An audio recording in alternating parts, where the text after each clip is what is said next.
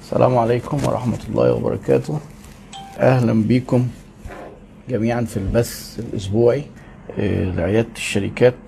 وعلى فكرة النهاردة الحلقة العاشرة. اتضح إن إحنا برضو عملنا شوية لقاءات مش قليلة. كالعادة هنناقش موضوع كده في البداية. الاقتصاد خلاص إحنا هنختار هنتكلم عن التضخم. آه، التضخم فيه آه، كتير لما بقعد مثلا أسأل الناس في المحاضرات إيه أخبار التضخم؟ أنتوا تتخيلوا إيه هو التضخم؟ بيبقى يعني نادرا ما حد بيجيب التعريف الحقيقي ورغم إن التعريف الصحيح للتضخم بسيط جدا. التضخم هو عشان نبقى فاهمين برضو لما نيجي نبص على الاقتصاد الاقتصاد من الموضوعات ال- المشوقة جدا بس لو عرفت تربطه بالواقع. لو أنت هتاخده مفاهيم جامدة هتلاقي علم رخم ودمه تقيل قوي لكن هو مرتبط بينا وبيمس حياتنا كلنا. المفاهيم الاقتصادية الأساسية بتلاقي كل حاجة كده إيه لازم تفهم هي إيه وبعدين تعرف إيه اللي بيؤدي لها وبعد ما تعرف إيه آه، لو حصلت هي بتأدي لإيه. لأن الاقتصاد فيه ظواهر كتير مترابطة و يعني في علاقات متداخلة كتير في الاقتصاد. فمثلا التضخم على سبيل المثال هو ببساطة شديدة ارتفاع الأسعار. بس عشان يكمل بقى المفهوم والتعريف ما ينفعش إن إحنا نقول ارتفاع الأسعار كده ونسكت. لأن مثلا لو جه حضرتك سمعت مثلا إيه جه في نشرة الأخبار ولا قريت في جريدة قال لك إن التضخم كان مثلا في شهر سبعة 2017 تقريبا ده أكتر رقم الحكومة أعلنت إن في تضخم يعني. وقالوا إن هو آه، آه، 34% خلاص ما إحنا قلنا إن هو ارتفاع الأسعار. يبقى في حصل ارتفاع أسعار 34% في شهر سبعة. طب 34% دي إيه ال 34 وإيه هي ال 100 ال 100 هل هي أسعار شهر 6 ولا أسعار شهر 7 السنة اللي قبليها. الحقيقة إن التضخم عشان نفهمه كويس هو ارتفاع الأسعار خلال سنة. يعني حضرتك ما تفهمش خطأ لأن هو دايما بيتقال بالشهر. ما تفهمش إن هو فرق إيه عن الشهر اللي فات. اولا تعرف إن هو ارتفاع الأسعار. شايف موضوع بسيط خالص ارتفاع الأسعار. في خلال قد إيه؟ في خلال سنة. طيب هنا بقى في كذا سؤال. هل مثلا أنا لو الأصناف اللي أنا شغال فيها أو المنتج اللي أنا شغال فيه سعره زاد كده ده آه، ده يبقى تضخم في المنتج بتاعي. يعني مثلا تيجي حضرتك تقول لي إيه ده في تضخم في العقارات. الحقيقة لأ ما ينفعش. عشان نبقى بنتكلم بدقة التضخم هو الارتفاع الكلي للأسعار. يبقى ببساطة كده إيه التضخم هو ارتفاع كلي للاسعار يعني إيه؟ أسعار كل السلع آه، كل المنتجات بتزيد. طبعا ما بتزيدش بنفس ال- النسبة لكن إيه بيتاخد متوسط ليها. فطلع إن ال 34% دي معناها إيه؟ إن بشكل عام الحاجات اللي إحنا كنا بنشتريها في شهر 7 2016 اللي هي قبل تعويم الجنيه. طبعا التضخم مرتبط جدا بالتعويم. آه بقينا بنشتريها ب 134 يبقى بنيجي نطرح السعر اللي هو الحالي ناقص السعر اللي هو من سنة والفرق نقوم قاسمينه على السعر اللي من سنة. يعني ده كده ببساطة يعني. فيبقى هو ده إيه معنى إن التضخم 34% ويبقى كلي لأن ده متوسط لكل ال- السلع والخدمات والحاجات اللي ال- المستهلكين بيشتروها. بيتقاس إزاي؟ آه، طبعا بيبقى في جهات إحصائية في كل دولة بتقيسه. واللي مسؤول عندنا عن قياس التضخم في مصر هو الجهاز المركزي للتعبئة والإحصاء. آه، عندهم database كده. ادخل على الموقع بتاعهم اللي هو إيه CAPMAS يعني أو اعمل search على جوجل. اكتب الجهاز المركزي للتعبئه والإحصاء وهتلاقي فيه مؤشرات وتشوف التضخم هيقول لك حتى بيتقاس إزاي ويد- ويدوك المعدلات والأرقام. إن هم في عندهم database بتاعه آه، آه، تجار تجزئة كل شهر بيجيبوا منهم الأسعار وبيبدأوا يعملوا الايه الإحصائيات علشان يقارنوا. طيب إحنا بالنسبة لنا كشركات إيه ارتفاع الأسعار ده يأثر علينا بإيه؟ يعني لما تيجي حضرتك تقول لي طبعا 34% دي نسبة كانت معلنة حكوميه لما تيجي حضرتك تقول لي إن إحنا الأسعار ارتفعت هل ده كويس ولا وحش؟ في ناس يقول لك آه آه ده كويس. ليه؟ لأن الحاجات اللي في المخزن عندي آه سعرها زاد. لا حضرتك للأسف كلامك مش مظبوط. لأن أنت حضرتك الحاجات اللي عندك سعرها زاد هتروح تبيعها هتلاقي ما هي تكلفتها زادت. فأنت لو عندك في المخزن مثلا بضاعة سي هنفترض ب 100000 تكلفتها زادت بقت 150 لأن إحنا مش لازم كلنا نزيد 34% يعني. ممكن تزيد. يعني أيام الدولار ما آه، قفز كده من 8 جنيه وكسور إلى 18 أو 20 جنيه. الحاجات اللي كانت مستوردة عند الناس آه، خلاص الحاجة اللي هي كانت ب 8 جنيه ونص مثلا تكلفتها بقت تكلفتها 20 جنيه. فده قفزة جامدة يعني. لما تيجي تقول لي والله كويس أنا كسبت الفرق لا حضرتك ما كسبتش الفرق لأن في حاجة اسمها تكلفة استبدال إيه؟ replacement cost الحاجة هتخرج هنرجع نشتري بدلها ونحطها تاني عشان نبدأ نبيعها. حضرتك هتيجي بقى تستورد تاني؟ هتلاقيه ب 20 وبجماركه يوصل 23 24 يبقى انت هتحط من جيبك فلوس وده يعتبر كده خسارة عشان ترجع تحط البضاعة اللي انت بعتها مكانها تاني. فيبقى اذا التضخم مش أمور يعني في حتة إن إحنا نبقى كسبنا دي. لما تيجي حضرتك تبص على التضخم عايزين نبص هو بيأثر علينا بقى إيه, إيه هل هو فعلا كويس ولا وحش بشكل عام؟ برضو أحب أقول لكم حاجة لأن إحنا ممكن نتناول حاجات في الاقتصاد الفترات الجاية لأن إحنا قلنا الاقتصاد من الحاجات اللي لازم نبقى إيه يعني اوير بيها على الأقل بالأساسيات. في ناس كده بتتخض أول ما حتى تيجي النشرة الاقتصادية يقول لك لا حول الكلام ده ما إحناش فاهمين فيه حاجة. وللأسف بتوع الاقتصاد بيحاولوا دايما بيتكلموا كده بلغة كهنوتية فيها مصطلحات ما بي يا إما ما بيحبوش أو ما بيعرفوش يبسطوا الحاجات للناس مع إن يعني الأولى بدل ما يقعدوا يتكلموا كلام كده للخاصة المهتمه بالاقتصاد إن الموضوع يتبسط لأن كل الشركات بتتأثر بالاقتصاد وكل الأشخاص حتى والأفراد العاديين. في خواجة اسمه بول كروجمان ده راجل خد نوبل في الاقتصاد ومؤلف كتاب ممتع قوي في الاقتصاد يعني رغم إن هو مش أشهر كتاب لكن من الكتب الممتعة جدا يعني. بول كروجمان قال أسوأ مرضين ممكن يعاني منهم اقتصاد أي دولة هم التضخم والبطالة. فيعني التضخم ده حاجة سيئة. والبطالة طبعا معروف إنها حاجة سيئة. طيب ليه حاجة سيئة؟ لأن لما أنا أسعاري بتزيد طبعا ببقى مضطر. أنا أنا راجل في البيزنس أهو. ليه ببيع غالي؟ أنا مضطر لأن غالبا تكلفتي زادت. لما الأسعار بتزيد والتكلفة بتزيد على العملاء القدرة الشرائية للعملاء غالبا ما, ما بترتفعش بنفس مستوى التضخم. يعني لما تيجي حضرتك تقارن شوف كده أسعار الحاجات الأساسية اللي إحنا بنستهلكها. خلال الخمس ست سنين اللي فاتت. بص أسعار البنزين والكهرباء والحاجات دي طبعا ودي مكون أساسي لأن الطاقة والنقل وده من ضمن بقى إيه أسباب التضخم. ليه بيحصل تضخم؟ بيحصل تضخم لما يبقى حاجة في الطاقة بتزيد اللي هي مكون في كل الإنتاج الكهرباء البنزين الكلام ده والنقل. ما هو مكون برضه في منتجات كتير. حاجة زي دي بتزيد بتقوم مزودة. أسعار السلع والخدمات. تعال بص الأمور كانت إيه مشيت إزاي؟ هتلاقي إيه زادت زيادات أضعاف. مش يعني مثلا نسبة مئوية لا ده أضعاف. بيحصل إيه؟ بيبدأ القدرة الشرائية المحدودة اللي هي ما زادتش بنفس النسبة ممكن تكون زادت شوية خلال خصوصا خلال كذا سنة. بس بتبدأ الأسر تعيد ترتيب أولوياتها وبتضطر تشطب حاجات علشان تقدر توفي بالاحتياجات الأساسية. الحاجات اللي إحنا ما نقدرش نستغنى عنها اقتصاديا دي بيسموها إيه؟ عديمة المرونة. يعني أنا ما عنديش مرونة إن أنا أجيبها ولا ما أجيبهاش ده أنا لازم أجيبها. مثلا البنزين من الحاجات زي ده الكهرباء. بعض أدوية الناس اللي عندهم أمراض زي حاجة زي الإنسولين. بعض كتب الاقتصاد بتحط مثلا بتحط حاجة عشان تعرفوا برضو الاقتصاد في الدول بيختلف عن بعض. في بعض دول مثلا يحط لك إيه؟ عمليات القلب المفتوح عديمة المرونة. بس للأسف مش ده الوضع قوي في مصر لأن أنت حضرتك لما تيجي تبص عمليات القلب المفتوح بتخرج عن طاقة ال ال الإنسان أو المتوسط الدخل أو الطبقة الفقيرة ما بيقدرش يعملها يعني عملية القلب المفتوح لما يكون في دولة فيها تأمين طبي العملية كانت بتكلف مثلا 5000 دولار بقت 10000 دولار. في الحالتين غالبا العيان مش دافع حاجة بيبقى في تأمين مدافع له. لكن انت عندك التأمين هنا ممكن تلاقي مثلا عمليات اللي هي الحرجة دي بتبقى بيصاب الإنسان بمرض محتاج تدخل سريع جراحي يعني مش طوارئ بس يعني بيبقى غالبا في مراحل بقى متأخرة. فما ينفعش مثلا يستنى ست شهور 10 شهور. ما ينفعش مثلا عملية تبقى 100000 جنيه ومش موجودين معاها في طبعا العمل الجمعيات الخيرية بتقوم بشوية بتساعد في المستشفيات الحكومية. بس ما أقدرش أقول لك إن هو عديم المرونة. ليه؟ لأن عدد العمليات بيقل لأن يعني في ناس بتموت ما بتعملش العملية. فيعني برضه لازم نراعي المجتمعات من بعضها. آه لما تيجي حضرتك تبص بقى المشكلة فعلا الكبيرة إن أنت في أنشطة التضخم بيأثر عليها جدا وفي أنشطة تتأثر شوية وأنشطة ممكن ما تتأثرش خالص. لو أنت حضرتك من الحاجات اللي الأسر بتشطبها تحت آه هتلاقي نفسك أول حد يحس بالتضخم أو أول حد يتأثر.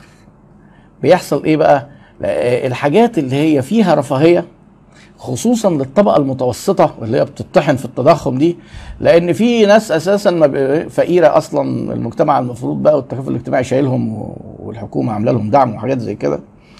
وفي طبقة غنية ما بيفرقش معاها الموضوع ده في حاجة. دول ال life style بتاعهم زي ما هم زي ما هو. آه، مصاريف المدارس تغلى. آه، ال international اللي بيودوها المدرسة مثلا بدل ما هي ب 150 ألف ب 300 ألف جنيه. ما يعني ممكن إيه يعني يبص كده شوية يرفع حاجبه وبعدين بيدفع الفلوس عادي. لكن الطبقة المتوسطة في شوية حاجات رفاهية. آه، المصايف إن الناس تاكل بره إنه يجيب لعب للأطفال الحاجات دي بتبدأ. آه شوية التجميل يبدأ يحسوا بالتضخم قبل غيرهم. وفي بقى إيه خد بقى عندك لحد الحاجات اللي عديمه المرونة. لو أنت مثلا هنفترض واحد عنده مثلا آه، مستودع أنابيب بوتاجاز الأنبوبة اللي هي نطت كذا مرة دي. تقريبا يعني عدد الأنابيب اللي بيبيعها رغم ارتفاع الأسعار ما بيتأثرش آه. الصيدليات عندهم حاجات مختلفة في المرونة. الإكسسوار الشامبوهات والحاجات اللي زي دي غير الأدوية. والأدوية فيها برضو أقسام يعني الفيتامينات بدأ الطلب عليها يقل قوي لأن هي مرونتها أعلى. أدوية الضغط وأدوية السكر لا الناس بتضطر تجيبها بس بقوا بيجيبوها إيه ممكن بصعوبات. الناس بتعاني فعلا مع التضخم ده. ما بقول لكم بيقول لك أسوأ مرض يصيب الاقتصاد. طب وهو ليه بيتكلم عن الاقتصاد؟ لأن حضرتك لما الشركات ما بتقدرش تبيع بيحصل إيه؟ بتضطر تقلل الإنتاج. فلما تقلل الإنتاج بيحصل إيه؟ تكلفة الإنتاج بتزيد. لما تكلفة الإنتاج بتزيد يحصل إيه؟ الأسعار تزيد. وبيحصل حاجة تانية. لما البيع بيقل والتكلفة بتزيد. الشركات ما بتقدرش تبيع فبيضطروا يعملوا إيه؟ يقللوا العمالة يخف يعملوا بقى لاي اوفس ويسرحوا الناس. فيحصل إن البطالة بتزيد. فالناس اللي كانت القدرة الشرائية بتاعتهم أصلا قليلة ما هم نفسهم هم اللي شغالين في الشركات. لما يقعدوا في البيت وما يشتغلوش قدرتهم الشرائية بتقل الفلوس اللي معاهم بتقل. فالشركات بت بتدخل في إنها مرحلة بيسموها إيه؟ stagnation يبقى في ركود stagnation وفي في حاجة بقى اسمها stagflation ال inflation يزيد لدرجة إن هو يوصل ركود تضخمي حاجة زي كده ركود تضخمي stagflation جاية من stagnation و inflation فهي دي ال- إيه- الحاجات اللي متربطه ببعض دي هي اللي بتعمل مشاكل للشركات. كل الشركات تقريبا عانت أو أغلبها في تعويم الجنيه. وموضوع سعر الصرف ده طبعا إيه مرتبط جدا بالتضخم بس مش هو التضخم. يعني واحد مثلا إيه يقول لك آه ما التضخم ده إن الجنيه ينزل. لا. التضخم إن الأسعار تزيد كلها في خلال سنة نقعد نحسب ونشوفه قد إيه. من ضمن الاسعار من ضمن أسباب زيادة الأسعار طبعا التضخم ليه كذا سبب. أولها مثلا دولة زي حالتنا بتستورد كتير الدولار سعره يزيد بيعمل تضخم. الطاقة يحصل تضخم. أحيانا بيبقى زيادة السيولة مع الناس وقلة الإنتاج يطلبوا السلع كتير يحصل زيادة طلب. ها؟ فالأسعار تزيد يحصل تضخم بس مش هو ده تفسير التضخم اللي عندنا قوي يعني. ما انت لما بتيجي بقى تعالج بتاع اللي بياخد القرار الاقتصادي لما يجي يعالج لازم يشوف جذور المشكلة. ما هو التضخم ده ليه كذا سبب. فلما يجي مثلا حد يقول لك إيه إحنا هنرفع فايدة البنك. آه ليه؟ عشان نقلل التضخم. هو الحقيقة ده كلام مش دقيق قوي لأنك لما ترفع فايدة البنك أنت آه بتسحب السيولة مع مع الناس. بس مش هو كان ده سبب التضخم قوي. ده بالعكس انت ممكن تكون بتضغط على الاقتصاد بشكل مختلف. ليه؟ لأن انت البنوك دي شغالة بتعمل إيه؟ البنوك دي مجرد جهات بتاخد الفلوس من ناس تأجرها لناس. البنوك بتأجر الفلوس. من الناس اللي هي بتحط ودايع دي اللي بتدي الفلوس للبنوك والبنوك بعد كده تاخدها تأجرها للناس اللي هم المستثمرين. فلما أنا أرفع سعر الفايدة بسحب الفلوس اللي مع الناس. آه ماشي. بس بزود تكلفة التمويل جدا على الشركات اللي بتيجي تأجر مني بقى الفلوس دي. يعني لما الفايدة كانت وصلت 20 والبنوك بتعمل اقراض للشركات ب 22 ده رفع تكلفة رأس المال. طب رفع تكلفة رأس المال ده يعمل إيه؟ اللي هو بيقول لك إيه بنسحب الفلوس عشان نقلل التضخم. ممكن جدا يرفع التضخم وبالتأكيد ليه؟ لأنه بيرفع التكلفة. فهو الاقتصاد عايزكم تفهموا حاجة الاقتصاد دايما الحاجة ممكن تلاقي لها ميزة وعيب. عشان كده من الحاجات اللي برضه القرارات فيها وإدارتها مش سهلة. ممكن تبص تلاقي ممكن تبص تلاقي إن الاقتصاد مثلا نيجي نقول التضخم التضخم آه مشكله ومرض وبتاع بس برضه في ميزة. بس في ميزة في حدود إيه؟ إن التضخم قليل قوي. لأن لما الأسعار بتعلى المستهلكين بيتوقعوا ارتفاع الأسعار. حتى تلاقي بعض الناس في السوق وقدام يجي يقول لك إيه؟ السوق نايم أعمل إيه؟ آه ارفع السعر. طب ما بعناش. آه ارفع السعر تاني. بعنا شوية. نعمل إيه؟ ارفع السعر تالت. بتوع الاستثمار العقاري بيحبوا يعملوا الحكاية دي. هو كده بيخلق إيه؟ بيخلق حالة من توقع ارتفاع السعر. العميل اللي كان متردد يشتري ويقول لك إيه؟ استنى يمكن السعر ينزل. يقول لك الله ده قاعد بيزيد. ده بيزيد كمان. طب ده الحق بقى. ألحق أشتري. في الحاجات اللي أنا ممكن قرار الشراء بتاعي آخده دلوقتي أو أخره آه، ممكن اللي معاه خضرة لا يجري يشتري. فالتضخم بيعمل الكلام ده. لما تيجي تبص حضرتك إيه إحنا متضايقين من التضخم. طيب تعالى ما إيه نبص على الموضوع من الناحية الثانية عشان نقدر إيه نبص بشكل إيه عشان نفهم التضخم برضو كويس. لو جيت أنا حضرتك قلت لك إيه الحاجات اللي أنت بتبيعها النهارده ب 100 دي يا جماعة استنوا الحاجات هتنزل. مش هتزيد. يعني توقع ارتفاع الأسعار بيبقى دافع الناس تشتري ويمكن ده الميزة الوحيدة في التضخم بس طبعا يبقى تضخم بنسب قليلة.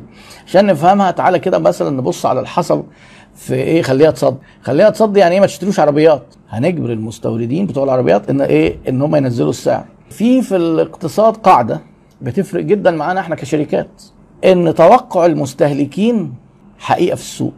دي جملة ما تنساهاش. حتى وإن كان التوقع ده بناء على شائعة خطأ شائعة مغرضة. لو حصل إن في تسرب خبر ما وقال لك خلي بالكم يا جماعة ده العقارات هتنزل. هيحصل إيه؟ هتنزل فعلا. لأن التوقع هو اللي بيخلي إيه هو اللي بيغير سلوك الناس السوق. لما أنت تبقى أجي أقول لك إيه الحاجة دي هتزيد هتجري تشتريها. لما أقول لك دي هتنزل طب نستنى بقى. نقعد بقى نستنى. آه.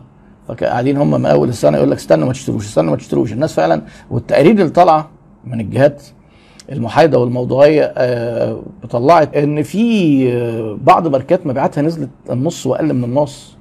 فاضطروا يعملوا فعلا خصومات. شايفين توقع المستهلكين عمل إيه؟ سيبوها ما تشتروهاش هتنزل. بتنزل. لو أنا جيت قلت لك السهم الفلاني هيزيد البورصة طبعا واضح فيها الكلام ده عشان كده حتى في في البورصة حاجة اسمها شفافية. آه اللي بيطلع آه شائعات ده جريمة. وفي ناس كانت بتتحاكم بال- بالجرائم دي. لأن أنا لو قدرت أطلع آه شائعة عن سهم ما وبشكل ينتشر فعلا وأقول إن السهم ده هيزيد فالناس كلهم وصل لهم الخبر هي هيحصل إيه؟ كلهم هيجوا يشتروا. أول ما الطلب يزيد أول ما الطلب بيزيد على حاجة السعر بيزيد فعلا. في بقى إيه؟ لو حد فيكم غاوي اقتصاد شوية يدخل يقرأ بقى في منحنيات العرض والطلب والموضوع ده يعني عشان يشرحه عشان نشرحه لازم يبقى في حاجات نقعد نشخبط كده ونرسم عليها. لكن هي بالبديهة كده من غير حتى ما نرسم يعني. آه لما أنا أقول إشاعة وأطلع إشاعة بقول السهم الفلاني ده هيزيد فيحصل إيه؟ هيزيد فعلا. فبعض الناس بقى يجي يقول لك شفت أنا كنت عارف إزاي؟ لا حضرتك هو حتى في في الاقتصاد دايما سؤال. هل الإشاعة هي اللي زودت السعر؟ في حاجة اسمها leading factor و lagging factor هل هو الراجل ده تنبأ لأنه خبير اقتصادي فظيع فشايف كده زي بتوع الأرصاد كده لما جم قالوا لك إيه؟ خلي بالكوا ده في منخفض جوي فين ومعرفش إيه. آه لا دول ناس شايفين حاجة إدت لهم مؤشر تنبأوا بالمستقبل بتوع الأرصاد. لكن التلاعب في البورصة بيبقى بالعكس. لما أجي أقول أنا السعر هيزيد ده سبب زيادة السعر. عشان كده التلاعب في البورصة جريمة. وبعدين يحصل إيه؟ يكون هو قبلها شاري شوية أسهم بعدين يقوم مطلع الإشاعة يقوم بايعها. بعد شوية الأسعار تقوم إيه راجعة نازلة تاني. آه. اللي اشتروا يخسروا وهو يكسب. آه. ما هو ده نوع من أنواع التلاعب. يعني أنا عايز أقول لك إن توقع المستهلكين حقيقة في السوق. هل الدولة ليها دور هام في طبعا. الدولة بتدير الاقتصاد. وإحنا مش عايزين آه، على فكرة للأسف أنا ما بحبش أتكلم في السياسة بس من الحاجات اللي مستحيل تتكلم فيها من غير ما تجيب سيرة السياسة الاقتصاد بس أنا مش هجيب سيرة السياسة برضه عشان يعني إيه ما حدش هيوقعني. ليه بقى؟ لأن اللي بياخد كل القرارات الاقتصادية هم السياسيين. إيه قرار التعويم قرار رفع سعر الفائده دي قرارات سياسية كلها وبتأثر جدا على على الاقتصاد وال- والحركه الاقتصاد في البلد. الدول اللي حققت معدلات تنمية ونجاح في فترة قصيرة دي جت منين؟ من الاقتصاد؟ لا جت من السياسة. فهم الاثنين فعلا زي ما بيقولوا واجهين لعمله واحدة والدولة في إيدها أدوات كتير تقدر آه، تتعامل مع الاقتصاد يعني. طيب عشان برضه نفهم حتة الانخفاض اللي ممكن يحصل وإيه تأثيره دي. آه، برضو في حاجات برضو ناس كتير ساعات يقعدوا يسألوني هو إحنا إيه الفقاعة العقارية وإحنا قلقانين لا نشتري؟ وتنزل الأسعار والفقاعه العقارية يعني إيه إن زي كده إيه بالونه الصابون تقوم مفرقعة كده خلاص تختفي خالص. لأن العقارات كانت آه، بأسعار غالية وهي فعلا بقى لها كذا سنة بتزيد. آه، الناس قاعدة بتشتري آه، فجأة آه، تنهار. إيه هي الفقاعة العقارية؟ و- وإيه علاقتها باللي إحنا بنقوله؟ ببساطة شديدة. الفقاعة العقارية دي حضرتك بيبقى سببها توقع انخفاض الأسعار. بس هو آه، لازم في كده يحصل في شوية إيه شروط كلاسيكية تبقى موجودة عشان ده يحصل. إزاي؟ آه، هندي مثال بالأزمة الأخرانية اللي كانت في أمريكا من حوالي 10 11 سنة. اللي حصل في أمريكا ده كان تفسيره كالتالي. أمريكا فيها بنوك والبنوك دي بيجي لها كمية من يعني هي آه، في حاجة اسمها الاف دي اي أو إن في استثمار خارجي. بنوك العالم كلها بتحب تروح تحط فلوسها في أمريكا لأنه ده يعني السوق الكبير في العالم أو أكبر اقتصاد في العالم. وهو فعلا حركة الإنتاج هناك قوية ومحتاجة تمويل ومحتاجة فلوس. فالناس كلها قاعدين إيه بيحطوا فلوس في أمريكا. البنوك عندها مشكلة لازم تأجر الفلوس. لو أنا قعدت حاطط الفلوس كده جنبي ما بأجرهاش هيجي الناس بتوع الودائع ياخدوا فلوس هدفعها لهم. هبقى أنا خسرت كبنك فأنا محتاج أشغل الفلوس. وهي دي مشكلة عند البنوك على فكرة. فالبنوك تعمل إيه؟ تبدأ تمول عقارات تقول للناس آه تعالى وهنعمل لك أي بيت أنت عاجبك هنشتريه لك ومثلا بمليون دولار لا تدفع لك قسط 3 4000 دولار آه شبه الإيجار على 30 سنة و... آه. فحصل إيه؟ إن في بعض الناس تعثرت في السداد. فجت البنوك طبعا ما بتنقلش الملكية وبشكل قانوني بيحطوا إيدهم على البيوت على البيوت. فبدأوا ال- البيوت دي يحصل إنها تبقى معروضة في السوق كتير. بدأت الناس تلاحظ إن البيوت بتنزل في المزادات آه، بتتباع أرخص. فبدأ يبقى في شائعة تسري في أمريكا. استنوا ما تشتروش بيوت. ده البيت اللي بمليون نزل بقى 800 فالناس تستنى. نزل 700 الله طب ده كويس قوي خلينا بقى مستنيين. 600 500 400 وصل الموضوع إن البيت فعلا بقى اتباع ب 20% من قيمته. مليون. ما جابش غير 200000 والبنك مضطر يبيع لأن البنك مش شغلته يبقى عنده بيوت. البنك لازم سيولة لأن أنت بتروح ما تديش للبنك بيت أنت بتدي له فلوس كاش بتحطها له وديعة فهو الناس هتيجي تطلب. طبعا فرق الفلوس دي عمل خسارة رهيبة في البنوك. البنوك حتى اللي كانت في أوروبا حاطة فلوس في أمريكا آه، خسرت. ده في بتاع 1000 بنك في أوروبا قفل البنوك في أمريكا لما جت اتأثرت التأثر الرهيب ده حصل إيه؟ بنوك فلست والبنوك دي فيها ودايع ناس وشركات. الشركات قفلت. كان شغال فيها ناس. ما هو دايما في في الاقتصاد حتى حاجة أنا بقولها كده بقى بهزار. آه، في حاجة اسمها الحلزونة. لما الدولة تدخل في حلزونة في الاقتصاد يبقى إيه؟ يبقى صباح الخير. الحلزونة ياما الحلزونة دي ما بترحمش. فأمريكا دخلت في الحلزونة. إزاي بقى؟ ناس كانوا بيقسطوا وشغالين في شركات. الشركات فلست. مشوا من الشركات اترفدوا آه خلاص ما عادش في شركة. فبطلوا. يقسطوا للبنوك. فالبنوك قامت واخدة منهم البيوت. فالعرض زاد. حلزون. العرض زاد. فالناس قاعدة إيه؟ مستنية. فالسعر يقل. قعد السعر اللي بقول لكم يقل على مراحل ده. فعمل أزمة اقتصادية عالمية لأن كل البنوك يعني إيه؟ الفلوس بتتحرك ما بين الدول آه، بحرية يعني إلى حد كبير. الدول طبعا اقتصاداتها قوية اتأثرت. فإحنا طيب هل الكلام ده ممكن يحصل عندنا؟ لا مش هيحصل عندنا. ليه بقى؟ لأن أنا قلت لك محتاجة ظروف كلاسيكية. التوقع في حد ذاته مش هينزل لأن مفيش بنوك داخلة في النص. ما هي القصة اللي بيعمل الفقاعة دي محتاجة تمويل عقاري بنك ممول يمول بدون ضمانات إن الناس ما تسددش يحصل كتير إن يحطوا إيدهم على البيوت فيعملوا عرض. عندنا في مصر نسبة التمويل العقاري يعني في ناس بيقولوا 8% في ناس بيقولوا 14% يعني أنا أشك إن ال 14% ده رقم حقيقي. التن... اللي هو الاستثمار العقاري في مصر البنوك بتتدخل بحذر شديد وده كويس لأن لو ده موجود بدون والبنوك عندنا في مصر بتخاف قوي في في حكاية التسهيلات وبتطلب ضمانات عالية لو حصل حاجة زي كده والناس ما بدأتش تسدد فممكن يحصل فقاعة عقارية. إحنا لا ما عندناش الكلام ده. لو حصل في حاجة تانية اسمها market correction السوق يصحح نفسه. يعني افرض مثلا جم الشركات اتفقوا مع بعض كده هنرفع الأسعار جامد. هيجي مستثمر يلاقي فيه فرصة ويدخل يستثمر ويحط فلوس وينزل بسعره فالناس تضطر تنزل بسعرها. ده correction وماهوش كارثة وهو ما بيدمرش الاقتصاد. ده بالعكس هو من آليات السوق ال- الحاجات اللي السوق بيظبط نفسه من ضمن الحاجات اللي بتخلي السوق يظبط نفسه اللي هي الاليات السوق الحر اللي بيقولوا عليها إن ال market يبقى free وفي competition ومفيش احتكار فلما انت تيجي حضرتك هتزود عليا السعر كده هيجي واحد يلاقي فيها فرصة يعمل الحاجة ويبيعها لي بسعر أرخص هتضطر تنزل. فيعني دي كده إيه؟ آه دي الفقاعة العقارية. سببها الأساسي توقع إن الناس إن الناس توقعت بس إن البيوت هتنزل. التوقع بيدمر يعني بيغير سلوك المستهلك جدا لو توقعوا الناس إن العربيات هتنزل خلاص قاعدين مستنيين. فبتنزل فعلا. شوف العربيات إيه تابع كده أسعارها خلال من يناير لحد دلوقتي.